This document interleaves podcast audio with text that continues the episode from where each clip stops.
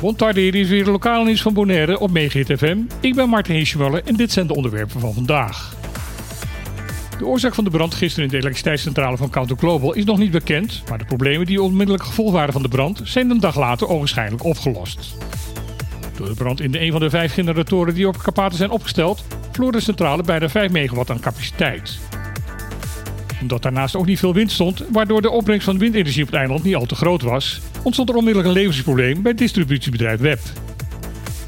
Deze had daardoor geen andere keus dan een groot aantal delen van het eiland af te koppelen van het elektriciteitsnet.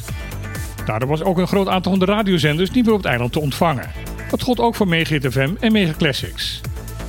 Vrij snel daarna besloot het web de reserveunit op te starten die het bedrijf in eigen beheer heeft op het terrein bij Barcatera. Daarna kon web weer langzaamaan de afgekoppelde wijken weer van stroom gaan voorzien. Pas in de avond was alles genormaliseerd.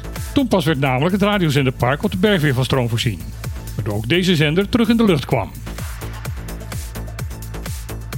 Het bezoek aan Bonaire van staatssecretaris van Volksgezondheid Maarten van Ooyen is niet ongemerkt voorbij gegaan. Het bezoek van de staatssecretaris was kort maar krachtig. Vlak voor zijn vertrek gisteren naar Curaçao hield Van Ooyen de gebruikelijke persconferentie.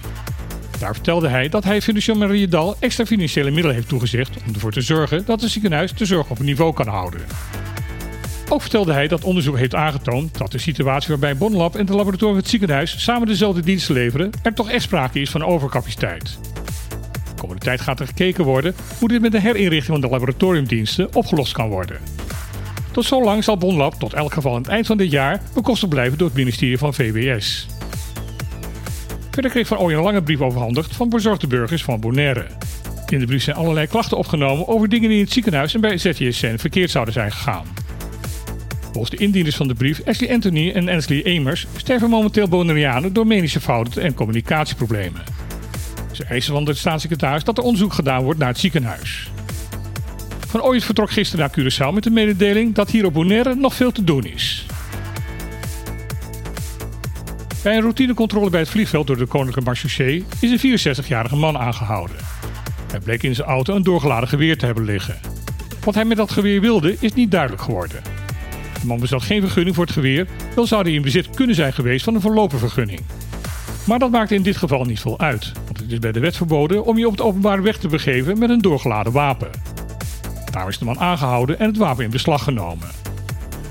Tijdens dezelfde controle werd er ook nog iemand betrapt die in bezit was van een kleine hoeveelheid hash. Ook de drugs zijn in beslag genomen. De actie bij het vliegveld duurde twee uur. Hierbij werden 20 auto's gecontroleerd en 35 personen gefouilleerd. Een delegatie van de Eilandsraad brengt momenteel een werkbezoek aan Europees Nederland en Finland. De delegatie heeft in Finland de eilandgroep Åland bezocht. Dit was al een oude wens van de oppositieleider van de PDB, Clark Abraham. Åland is een groep eilanden met 30.000 inwoners die verspreid zijn over 65 eilanden.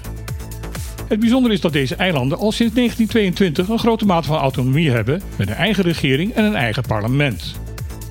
Daarnaast is Åland een van de meest welvarende regio's in Finland. Zeer bijzonder is dat Åland een eigen lidmaatschap heeft van de Europese Unie.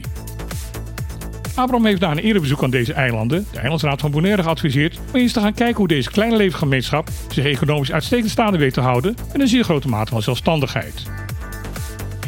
Na dit bezoek zullen de eilandsraadleden de jaarvergadering van de Vereniging Nederlandse Gemeenten bijwonen. En daarna gesprekken voeren in Den Haag met verschillende ministeries, de Raad van State en de vaste commissie voor Koninkrijksrelaties in de Tweede Kamer. Dit was weer het lokale nieuws van vandaag op Megahit FM. Ik wens iedereen nog een storingsvrije dag toe. En dan heel graag weer. Tot morgen.